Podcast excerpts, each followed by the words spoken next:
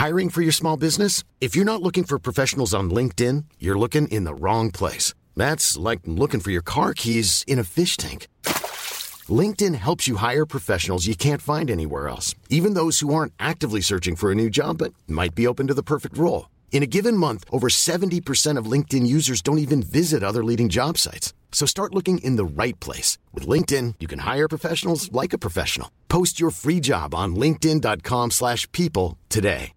When you make decisions for your company, you look for the no-brainers. And if you have a lot of mailing to do, Stamps.com is the ultimate no-brainer. It streamlines your processes to make your business more efficient, which makes you less busy. Mail checks, invoices, legal documents, and everything you need to keep your business running with Stamps.com.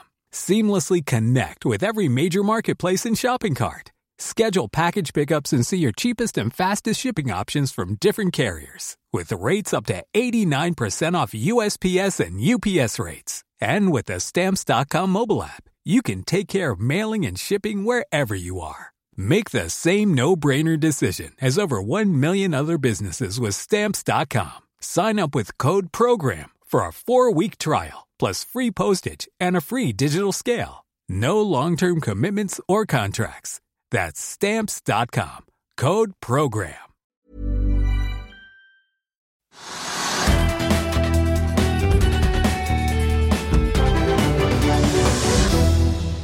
Velkommen til Økonominyhetene. Det blir torsdag 25. mai. Elliptic Labs la fram kvartalstall torsdag morgen, og det blir nok et kvartal med tilbakegang. Vi har med oss administrerende direktør Laila Danielsen om litt. NREP offentliggjorde et nytt stort eiendomsfond i dag, og planlegger å kjøpe mer eiendom i Norge. Norgessjefen i selskapet, Jens Petter Hagen, vil fortelle oss mer om planene i Norge fremover. Men uh, vi må begynne med lakseskatten, Trygve. Ja, det bør vi kanskje gjøre. Altså, det kom da en løsning på Stortinget som da ikke var ventet. Det har jo vært et uh, veldig vanskelig prosjekt, og partiene har vært veldig uenige hele tiden. Det begynte jo med at staten ville innføre en særskatt på oppdrettsnæringen på 40 pluss da de 22 vanlige, så det blir liksom 62% skatt. Det ble det bråk av, og veldig rabalder langs kysten. og Partiene var veldig uenige hele veien. og Regjeringspartiene fikk ikke med seg de partiene de skulle ha for å få flertall. Og så har det vært frem og tilbake hele tiden. og Så senket man da den planlagte skatten fra 40% til 35 så blir man ikke enig om det heller. Det syns man var helt galt. Og så ville ikke da Høyre og, Høyre og Fremskrittspartiet gå med på de 35% i særskatt, pluss de 22. Og så ble regjeringen angivelig snurt. Så sa den at hvis ikke Ok, da vi kan kanskje snakke om 30% da. Men så ville ikke da Høyre og, og, Fremskrittspartiet godta 30% heller. Så ble regjeringen snørt, og så sa den da ok, da blir det 35 over det de hadde fått, trodde de kunne få til. Og så har man da tenkt seg da at særskatten ville ende på 35% har man tenkt de siste par ukene, vil jeg si. Og så kom meldingen i dag om at partiene var blitt enige på Stortinget etter harde forhandlinger, og at nå ble skatten 25 Så særskatten, grunnskatten er 25 og den ordinære skatten er 22 Så det blir 47 til sammen. Mm. Uh, det, og, der er det da slik at det er det et flertall på Stortinget for. Også det partiet fra Finnmark som har én representant på Stortinget. Eh, men SV sier at de er meget misfornøyd med avtalen, som de ikke er en del av, og sier at det er helt feil, alle elementene er feil hele veien. Og de er liksom ikke ferdig med saken før den da avstemt over i Stortinget. Men summa summarum så har det da gått veldig lang tid, veldig mye diskusjoner, veldig mye uenighet mellom partiene på om man skulle ha grunnrenteskatt eller ikke, som er et teoretisk akademisk spørsmål som er ganske interessant. Og hvis man skulle ha det, hva skulle da skatten være? Og da har regjeringen da gått ned fra 40 til 25 nå, og det er et ganske kraftig nederlag for regjeringen. Og det ga lakserally på Oslo Børs. Ja, og det er det mest spennende det. er slik at skatten blir vesentlig lavere enn de 40, da, også lavere enn de 30 og 35 man snakket om, det ble 25, så kan jo alle regne og tenke at hvis det hadde vært alternativ A, så blir det så mye skatt, alternativ B blir det mindre skatt.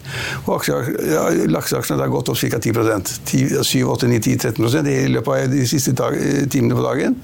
Og det er klart uttrykk for at liksom, næringen oppfatter det positivt, aksjonærene oppfatter det positivt. så De regner med å tjene mer penger nå med den lavere skatten på 25 enn 40. Det bør man ikke regne på. Det skjønner alle. Var det bra timing å slippe det midt i børsens åpningstid? Jans Petter Schisner han er sint? Eller oppgitt, kanskje? Ja, man er ofte oppgitt. Ja. Nei, altså jeg vet ikke. Jeg syns jo det var greit. Altså, man måtte bli ferdig med det. Det var jo så mange rykter om liksom, at partiene da var liksom gått helt fra hverandre. Man hadde ingen forståelse, felles forståelse lenger. Og, og de fleste trodde at det ville komme av en skatt på 35-30 men ikke klart hva det var. og På et eller annet tidspunkt måtte man jo si fra. Hvis man var enig og hadde klart å lure med det ene partiet fra Finnmark, som ingen hadde regnet med, for det, det partiet som gjør flertall, så syntes det var greit å komme med en gang. Så hva, hva skulle vi ellers gjort? Vente til etter børs i dag? Eller, nei, det, den kritikken der, den skjønner jeg ikke helt. Eh, Venstre så ut til å kuppe hele greia, og de erklærer vel seier? Ja Venstre var i går ikke med på, på, på forliket, nå var de med på forliket osv. Det var fordi at Venstre sa hele tiden at de ville ha skattesatsen ned. Men de var for grunnrentebeskatning. Det var ikke Høyre og det var ikke Fremskrittspartiet. De ville ha en utsettelse langt frem i tid for å finne en helt annen ordning på beskatning. og det, ja, ja, Kanskje det var en seier for Venstre, det kan, det kan man kanskje si. Litt interessant at man får Venstre istedenfor SV, som kanskje mange frykta? Ja, og man er ikke ferdig med SV. da. SV har sagt at de skal vente til avstemning, avstemning i Stortinget. og De sier da nå det at de vil se hva som skjer under avstemning. Det vil jo bli flertall for regjeringsforslag. Og så vil de legge frem sitt eget forslag, som da blir nedstemt. Mm. Så de, de, vil se sitt eget forslag i Stortinget da.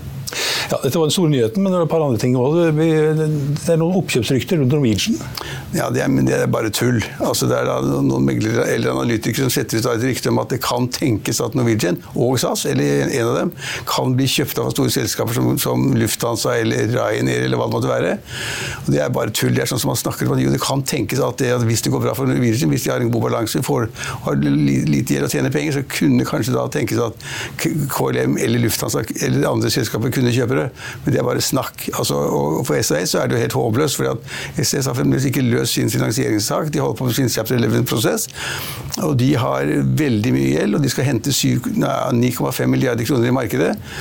Eh, og de har en markedskap på 11 milliarder, eh, så hentet da 9,5 milliarder Det høres veldig rart ut med et forgjeldet selskap som ikke tjener penger. De tapper omtrent 1 milliard i måneden for tiden. Så det er, det er liksom noen, noen, som ønsker å si det med den tanke kanskje bak, jeg sier ikke det er bevisst, kanskje bak at liksom, hvis man snakker om det, så vil det være en positiv aura rundt aksjen, og kanskje aksjen går litt. Grann. Men det har ikke skjedd noe positivt med SAS-aksjen i dag. Og det har heller ikke skjedd noe positivt med Norwegian-aksjen i dag. Norwegian ligger på 12-13 kroner, det har ligget ganske lenge, men den har gått opp 20% fra et lavere nivå. Men at den skal gå fra 12 kroner til 16-17-18-20 eh, kroner, som mange tror og håper på, det tror jeg ikke skjer nå. Og jeg tror, de, de, Når det kommer den type artikler i avisene om liksom at på, sikt kan det tenkes at det skal være et oppkjøpsobjekt, så er det stort sett null, null sannhet i det. Vi kan, ta med, ja, vi, kan, eh, vi kan, også ta med at uh, Bergen Bio, vet ikke om du har sett på den i det siste, men uh, den er dagens vinner med en oppgang på over 70% Ja, men altså, de har jo falt da 97% av toppen. da. 97 Og så får du et veldig lavt utgangspunkt, og da kan du godt øke 80% da. Og de skal hente Russiske prosenter. russiske... Ja. Der skal det hentes mye penger framover, men mesteparten er da garantert av Trond Moens med TV.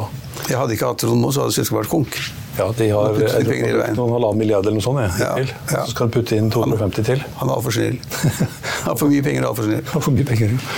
Ellers på tappelisten så har vi Codelabs, eller Codelab Capital som faller 19-20 eh, ikke noe spesielt nytt som er kommet i dag, men de har hatt en presentasjon. Selskapet var jo tidligere pasientsky, men etter at de da solgte unna det til EG, så bytta de navn til Codelab og blitt et rent venture- og investeringsselskap. Ja, det har um, ja, Equinor er litt ned. Oljeprisen er uh, ned 1,3 ser jeg, til 77 dollar og 15 cent. Og Det bidrar vel antageligvis til at både Equinor og Aker BP er ned. Equinor ned 1% og Aker BP ned en halv prosent. Aker BP åpna opp i dag etter at det ble kjent at uh, de hadde gjort et litt større oljefunn på Yggdrasil enn det som var venta tidligere. Og Pareto har regna på det og sier at det utgjør kanskje 3-4 kroner per aksje med risiko på oppsiden.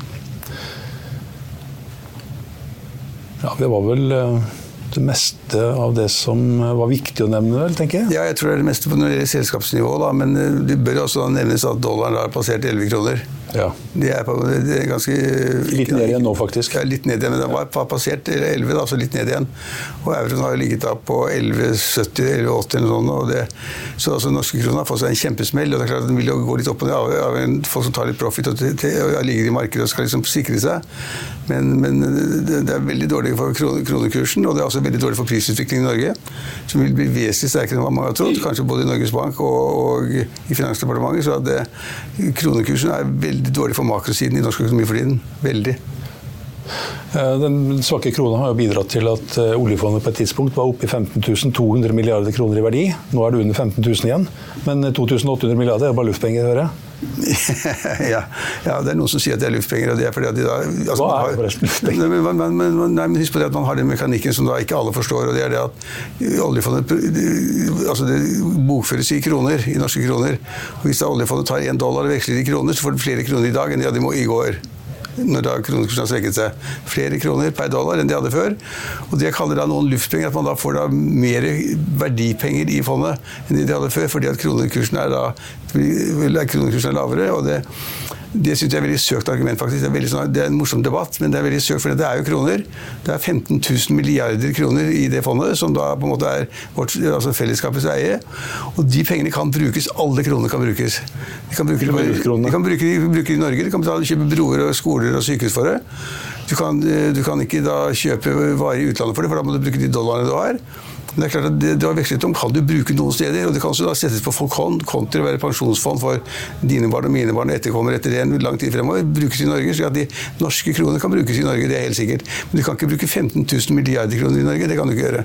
Men, så det er ikke luftpenger, for luftpenger ligger jo implisitt i at det er penger som ikke er verdt noen ting. Men, men, det er verdt noe, for du kan kjøpe for det. Betale lønninger i offentlig sektor for det. Du kan betale andre investeringer med de pengene. Så det er penger. Det er ikke luftpenger. Vi kan være veldig glad for at vi har 15 000 milliarder kroner i penger i fondet, istedenfor 8 eller 7 milliarder. Ja, det har vel, tror Danskene tror jeg har 8000 milliarder. Hva? Danskene tror jeg har 8000 milliarder. Det er ganske mye, det òg. Så mye? 8000 det gjør veldig mye. Ja, ja, jeg så det et eller annet sted. Jeg var litt overraska. Vi må sjekke det. 15 eh, selskaper har lagt fram kvartalstall i dag, og Elliptic Labs var ett av de. De hadde tilbakegang for andre kvartal på rad i årets tre første måneder. Aksjen den er eh, ned, eh, ned nå ja, 7-8 på Oslo Børs, og er da ned 41% hittil i år. Til rundt all time low i dag, faktisk. Etter en kort pause har vi med oss administrerende direktør Laila Danielsen i selskapet. Vil du bli oppdatert på det viktigste som har skjedd innen finans og næringsliv? Da er det bare å følge med, for hver morgen er jeg, Marius Lorentzen og aksjekommentator Karl Johan Malnes på plass i studio for å ta tempen på dagens marked i Børsmorgen. Og hver ettermiddag oppsummerer vi alt du trenger å vite i økonominyhetene, og det blir selvfølgelig masse interessante gjester. Klikk deg inn på fa.no-tv, eller søk opp Børsmorgen og Økonominyhetene der du hører på podkast.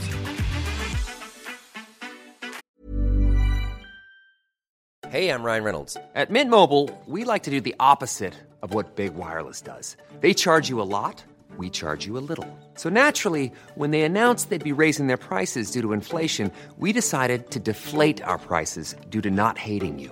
That's right. We're cutting the price of Mint Unlimited from $30 a month to just $15 a month. Give it a try at mintmobile.com slash switch. $45 upfront for three months plus taxes and fees. Promote for new customers for limited time. Unlimited more than 40 gigabytes per month. Slows. Full terms at mintmobile.com. I'll see you in court.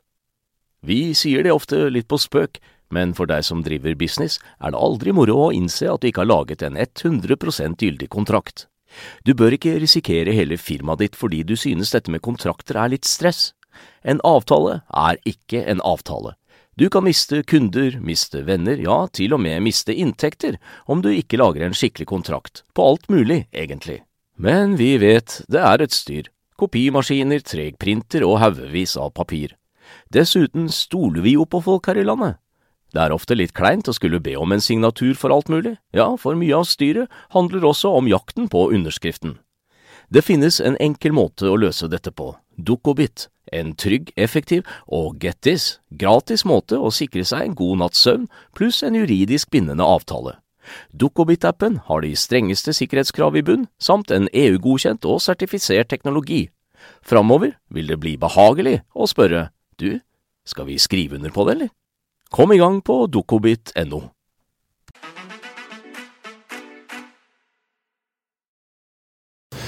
Ja, Da har vi med oss administrerende direktør i Electric Labs, Laila Danielsen. Velkommen. Jo, takk for det. Takk. Eh, det er krevende å være børsnotert når det går dårlig. Ja det er selvfølgelig bedre når det går eh, veldig bra, da. Er det mange aksjonærer som lurer på hva som skjer?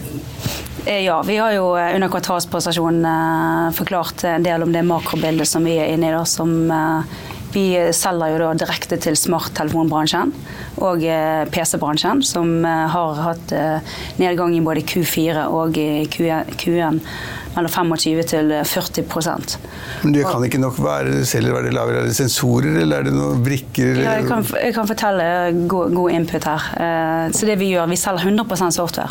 Så vi, vi, har, vi bruker kunstig intelligens Eh, vi bruker ultralyd og vi bruker sensor fusion til å gjøre laptoper og smarttelefoner eh, enklere å bruke, smartere og grønnere. Eh, så det er en type sensing-teknologi. da. Og da jobber vi direkte med store selskaper. Det som, hvis du ser på makrobildet, ja det har vært litt rufsete for makrobildet, for helt, helt klart. Men det positive er her det er at vi vinner business i dette markedet. Så eh, Det er et par år siden jeg var sist gang. og Da var vi kun i smarttelefonmarkedet og sa vi skulle inn i laptopmarkedet. Og på de eh, to, to og et halvt årene så har vi da signert avtaler med tre av de fem største laptopleverandørene i markedet.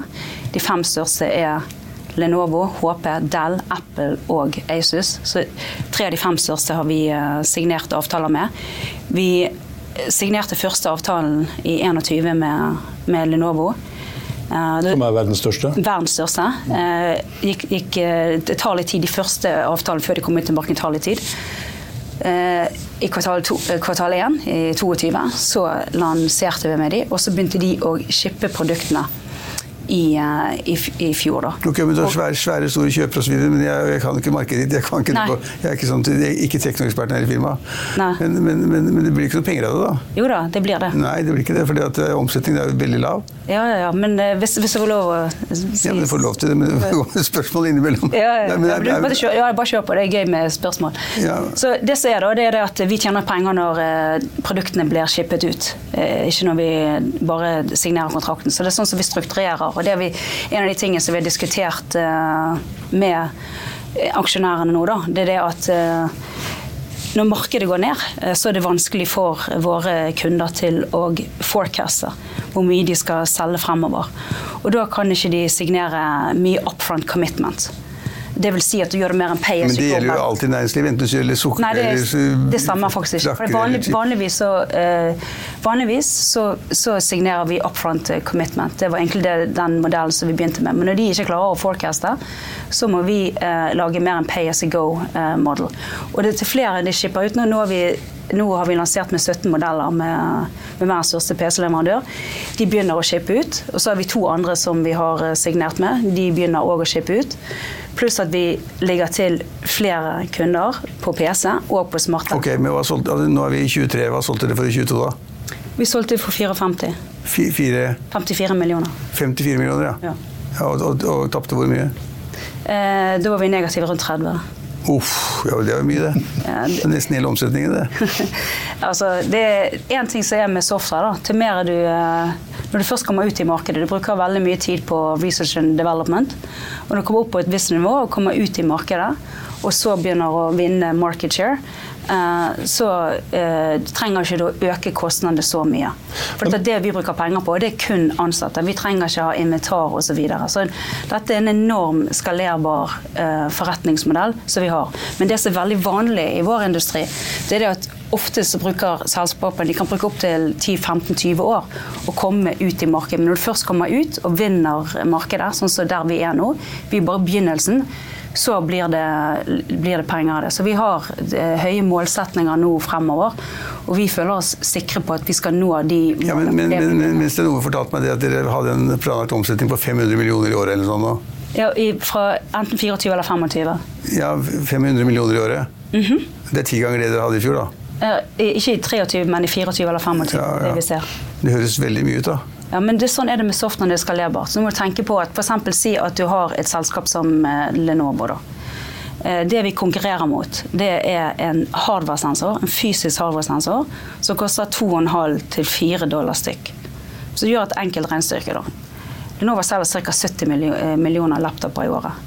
Ganger to, det er 140, 140 millioner dollar.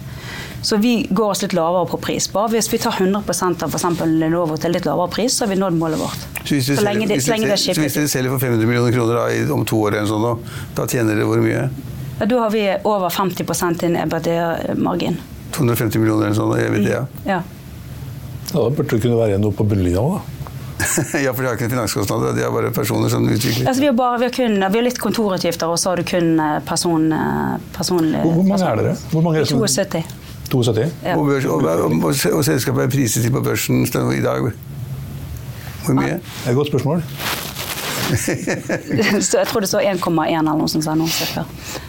Det er Du har tallet 1,1 milliard. Ja. 1,1 milliard. 1,1 milliard, ja. Ja. 1,1 milliard.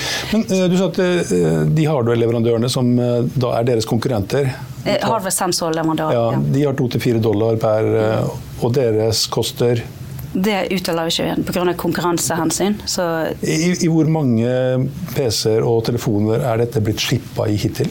Altså, vi, vi er jo i flere hundre millioner på smarttelefoner over de siste, siste åtte årene. Så har vi skalert opp. Så vi har vist at vi har en skalerbar modell. Men i smarttelefonmarkedet, eh, der er prisen per eh, fysisk hardware-sensor som vi konkurrerer med, mye mye lavere. Den ligger på 10-30 cent. Så i utgangspunktet, et selskap som oss du går, er det, egentlig ikke, det, ikke, det er egentlig Hvis du kan unngå å starte i smarttelefonmarkedet, så unngår du det. Men vi var nødt pga. at ekosystemet Vi embedder våre software inn på chipset. Og de leverandørene, sånn som Qualcomm i, og Mediatek i, i smarttelefonmarkedet, de støttet ultralyd eh, capability. Mens i laptopmarkedet der begynte ikke Intel og AMD å støtte dette før i 2019. Og det er da vi fikk full fart på vei inn og kunne begynne å vinne forretning i de markedene. Men hvis dere tar alle Lenovos eh, PC-er, og alle Lenovo-PC-ene har deres løsning, Mhm. da har dere dekka det du sier. Absolutt. Hvor stor er sannsynligheten for at det kan skje? Eh, som vi, altså det som er vanskelig å vite, det er jo helt timingen. og helt, Nå sa jeg at de hadde 70 millioner. Eh, De har jo gått ned i uh, volumet. Men vi ser jo at det er stor interesse for alle PC-leverandører til å ha bred eh, deployment av vår teknologi. Og i tillegg, da eh, Det som skjer også i markedet, da, det er det at hvis du ser på Lenovo, HP og Dell f.eks., de har andre eh, produkter Som eksempel, De har konferansesystemer, de har også skjermer, de har tastatur. Og det er andre løsninger som vi kan levere inn, altså andre produkter vi kan ligge oppå det første produktet som vi leverer, så vi kan, eh, vi kan øke inntaktene mer. Så det er bare snakk om hvor fort ruller selskapene ut. Og da må vi følge sales cycle til til eh, disse laptop-leverandørene, f.eks. Eh, og så eh, hvor stort volum altså, Går markedet mer ned, eller recover it?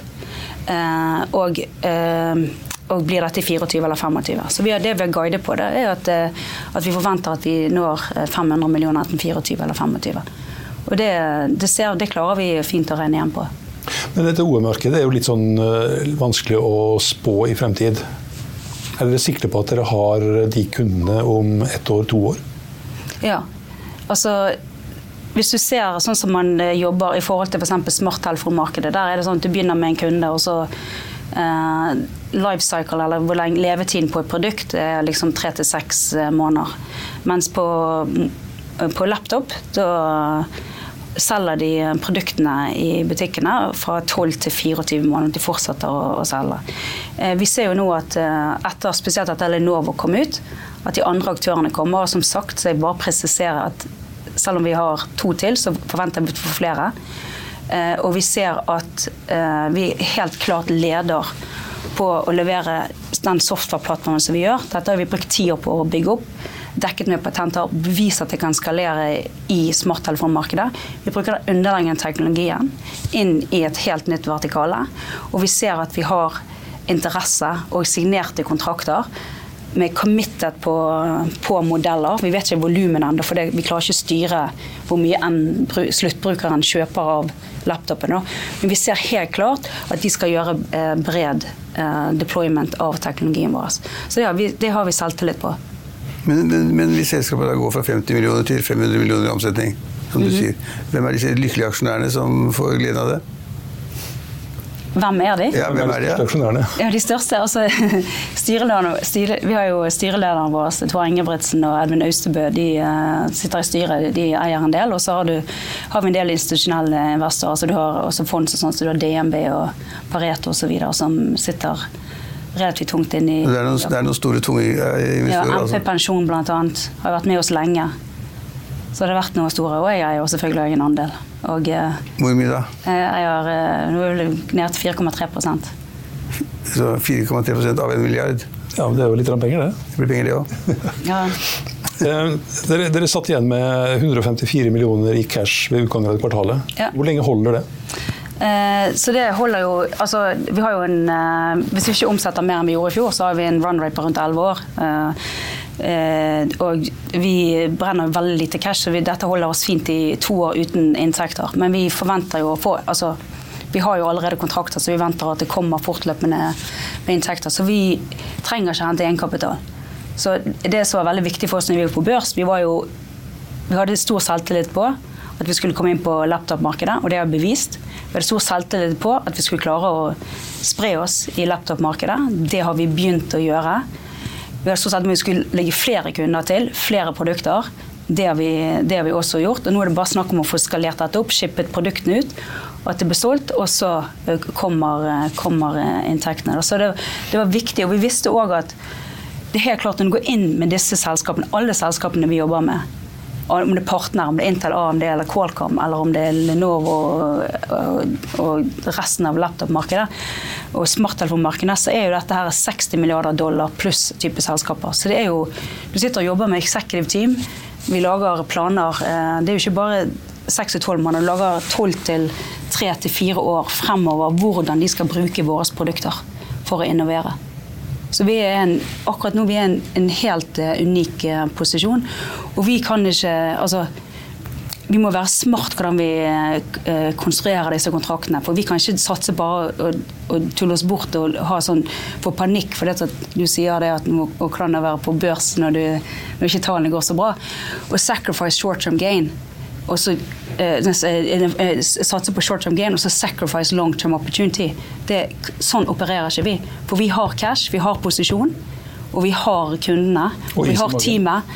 Og, ja, det har vi òg.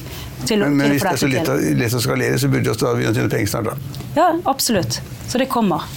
Det kommer og vi får håpe det nå. Ja, og vi må, vi må videre. videre. Tusen takk for at du var med oss, Det var Laila. hyggelig. Ja, da har vi med oss sjefen i eh, NREP i Norge, Jens Petter Hagen, som sitter klar med flere milliarder skal investeres i næringseiendom. Men hvor mye har eh, eiendomsmarkedet falt nå, eh, Jens Petter? Ja, Det avhenger litt av både geografi og segment, tror jeg. Men jeg føler meg ganske trygg på at det har falt mellom eh, 5 og 20 Mellom 5 og 20? Ja. Hvor faller det mest, og hvor faller det minst? Logistikkmarkedet har pris, repriset seg ganske fort. eh, Så der er det likviditet igjen på nivåer som er eh, ja, oppimot 20 eh, lavere enn det var på topp. Og det er jo positivt i seg selv at, at man har funnet ny, stabil grunn. Der det er kanskje vanskeligere å spekulere i verdifall, er jo sentrale eiendommer som det omsettes ganske lite av i Oslo sentrum f.eks. Eh, 20% ned i logistikk, det har vel ramma dere også? Ja, det har det. Det er det. Absolutt. Eh, Man har blitt litt reddet av at eh, leieprisveksten på logistikk har vært enda høyere enn inflasjon eh, i en lang periode. Eh, Så verdifallet er kanskje ikke så eh, voldsomt som yield-ekspansjonen. Eh, Men ja, det rammer oss som alle andre. Det er ikke noe sted å gjemme men jeg, jeg kan ikke selskapet så godt. Er det altså et eiendomsfond, eller et eiendomsselskap, eller er det konsulentselskap, eller rådgivningsselskap, eller innkjøpsselskap? Er det et rent fond? Er det Ja, vi driver fonds, fondsvirksomhet. Vi reiser kapital på det internasjonale kapitalmarkedet i fond, og investerer stort sett i Norden. Ja. Hvor, hvor mye har dere investert, eller hvor stor er porteføljen i Norge? Eh, 11-12 milliarder ca. Så eh, ikke spesielt stor i norsk sammenheng er vi i Norge. Eh, Så vi har mest eksponering eh, per i dag utenfor Norge, i Danmark og Sverige og Finland, og litt i Polen og litt i Tyskland. Hva sier kunder da når markedet faller med sånn mellom 5 og 20 Ja, Da er det to, to milliarder ned, da. Ja. I hvert fall. Minst. Nei, det er ikke så enkelt som det. Eh, Når vi snakker om verdifall eh, i en litt sånn tabloid sammenheng, eh, så er det jo fra toppen av markedet til der vi er i dag. Vi har ikke kjøpt all denne eiendommen på toppen av markedet. Den er kjøpt over en periode på syv-åtte år, så det er veldig mye av den porteføljen som ikke har opplevd et verdifall, for å si det sånn.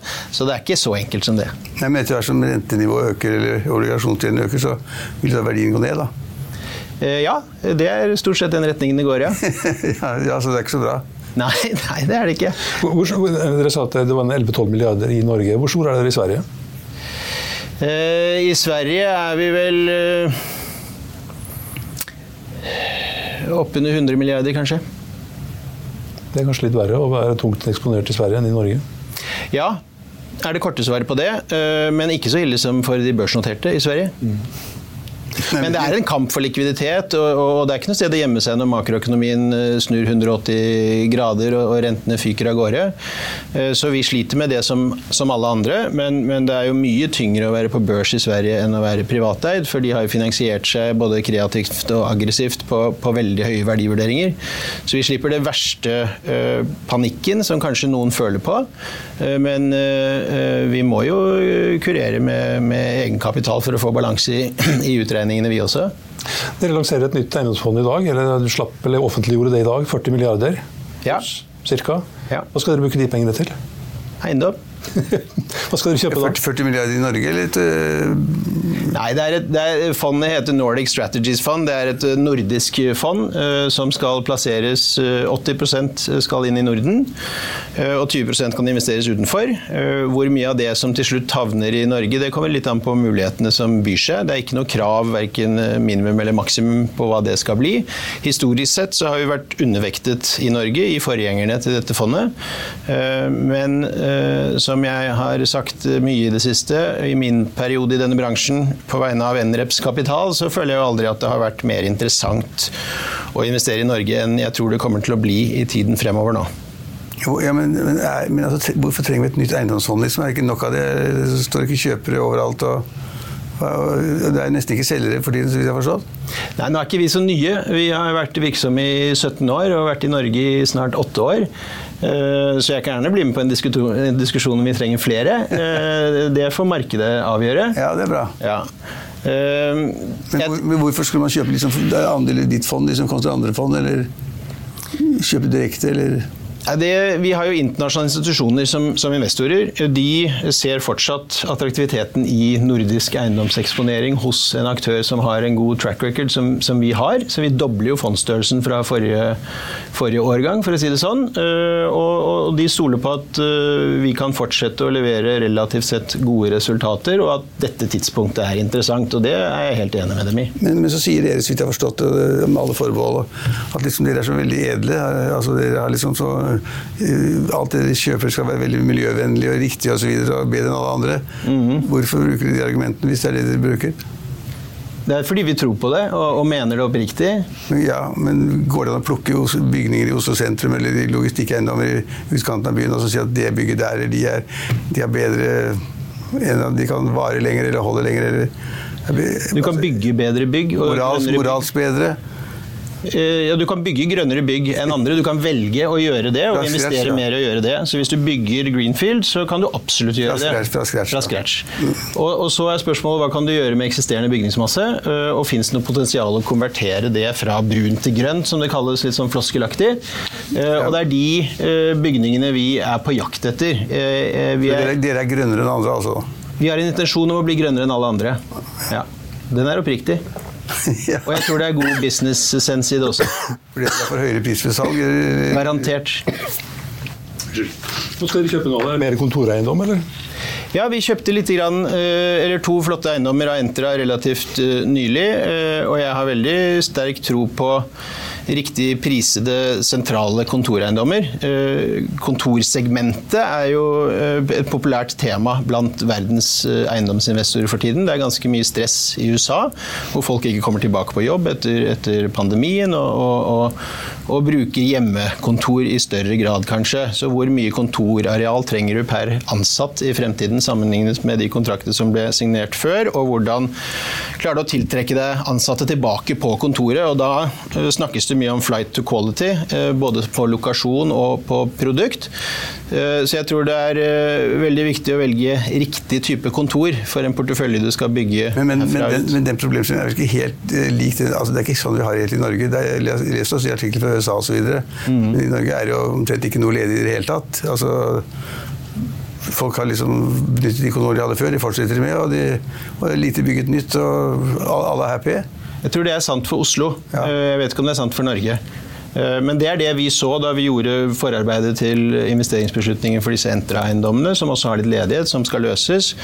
Eh, Og den risikoen eh, tør vi å ta, nettopp pga. den dynamikken du beskriver, hvor det er lite produksjon og fortsatt ganske høy etterspørsel, relativt lav ledighet. Men jeg tror nok dette markedet også skal få føle litt på at eh, kanskje behovet for kontor, alle andre faktorer like, går litt ned. Og det er veldig mange av de store internasjonale leietakerne som har hovedsete i USA f.eks., som over tid kanskje kan vurdere å redusere kvadratmeterstørrelsen per ansatt. Men, men, men betyr det da liksom, i de forhandlingene at, det, at dere krever en yield på 5 kontra 3 før, eller 4,5 kontra 3,8 før, eller er det, liksom, er det en vesentlig underliggende yield-økning i det dere gjør nå? Krever dere altså lavere priser for det dere kjøper? Ja. Men ikke nødvendigvis i, i, i den skalaen du beskriver der. Men, men, det skal jo prises på en fornuftig måte gitt hvordan verden ser ut rundt oss for tiden. Eh, og det er ikke alle som eier eiendom som vurderer å selge den, som møter oss der. Eh, men så er det noen som eh, ser en verdi i å skape likviditet fordi de trenger det av en eller annen grunn. og det er jo Veldig mange av de transaksjonene vi ser eksempler på nå, er det jo ofte selgere som er eksponert mot den dynamikken som, som fører til et salg. Men, Men, men, men, men, men, men er, er det gøy å kjøpe det akkurat nå i i en periode hvor rentene øker hver dag? Jeg syns det er gøy å kjøpe i en periode hvor det er en eh, relativt stor grad av uh, usikkerhet. Det er veldig lite konkurrerende likviditet, og det er en del selgere som selger fordi de må. Og da kan du få gode dealer. Hva kjøper, hvilke GIL kjøper dere på nå? Det varierer igjen fra segment til segment. Eh, For å gå tilbake til logistikkeksempelet, så, så var prime yield på logistikk under firetallet på, på toppen, og, og, og den har vel ekspandert med, med 100 punkter. Nå konverterer ikke det helt til verdiendring pga. inflasjon og, og, og ytterligere en inflasjonøkning på leiepris, men eh, på logistikksiden så tror jeg vi kommer til å se transaksjoner komme til markedet eh, i løpet av de neste månedene på høye firetallet eller lave femtallet. I Oslo også? Ja, Oslo og Main, Stor-Oslo. Ja. Gode kontoreiendommer? Gode kontoreiendommer eh, Man tror gidder jeg ikke ikke betale mer, så nå, man gidder ikke betale så mye lenger. Så da blir det høyere gild, da. Ja, det gjør det.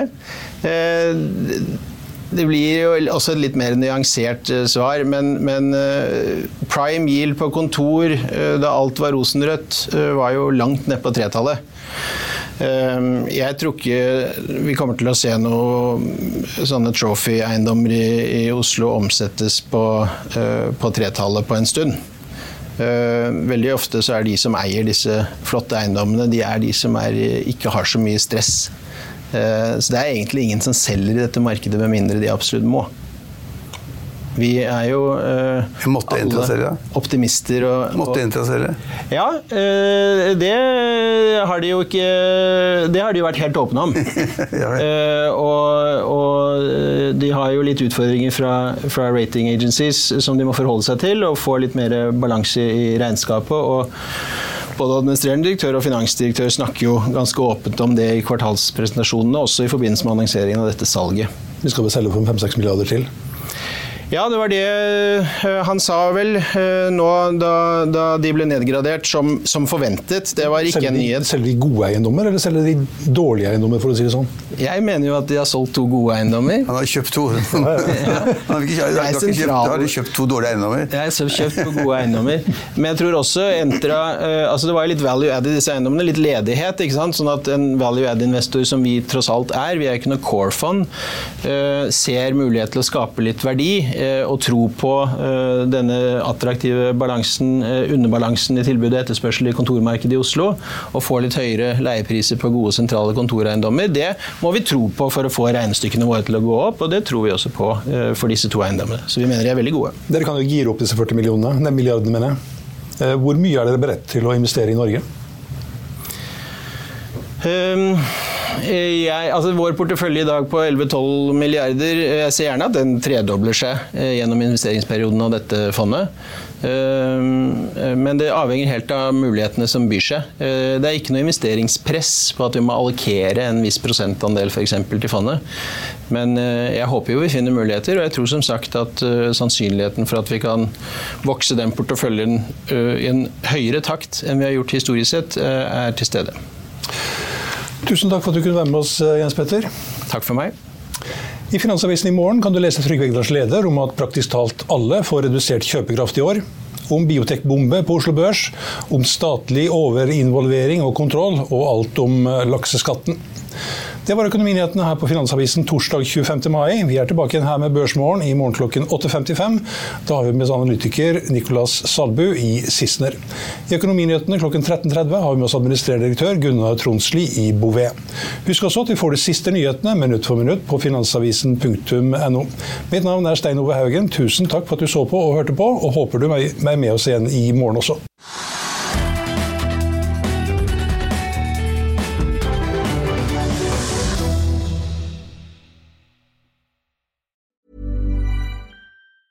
Confidence starts with loving who you are. And when your skin feels nourished and glows on the outside, you naturally radiate confidence from the inside. Give your skin a glow up with Osea's clinically proven Mega Moisture Duo. This ultra hydrating body care features two of Osea's best sellers, Undaria Algae Body Oil and Undaria Collagen Body Lotion. These seaweed powered heroes use skincare level ingredients normally reserved for your face for results you can see and confidence you can feel. Osea has been making clean, clinically proven seaweed infused face and body care products for over 28 years. This luxurious skincare is vegan, cruelty free, and climate neutral certified, so you never have to choose between your values and your best skin. Glow from the inside out. Get 10% off your first order with code GLOW at OseaMalibu.com. That's O S E A Malibu.com code GLOW.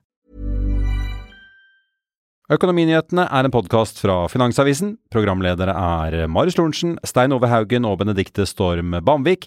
Produsenter er Lars Brenden Skram og Bashar Johar. Og ansvarlig redaktør er Trygve Hegnar.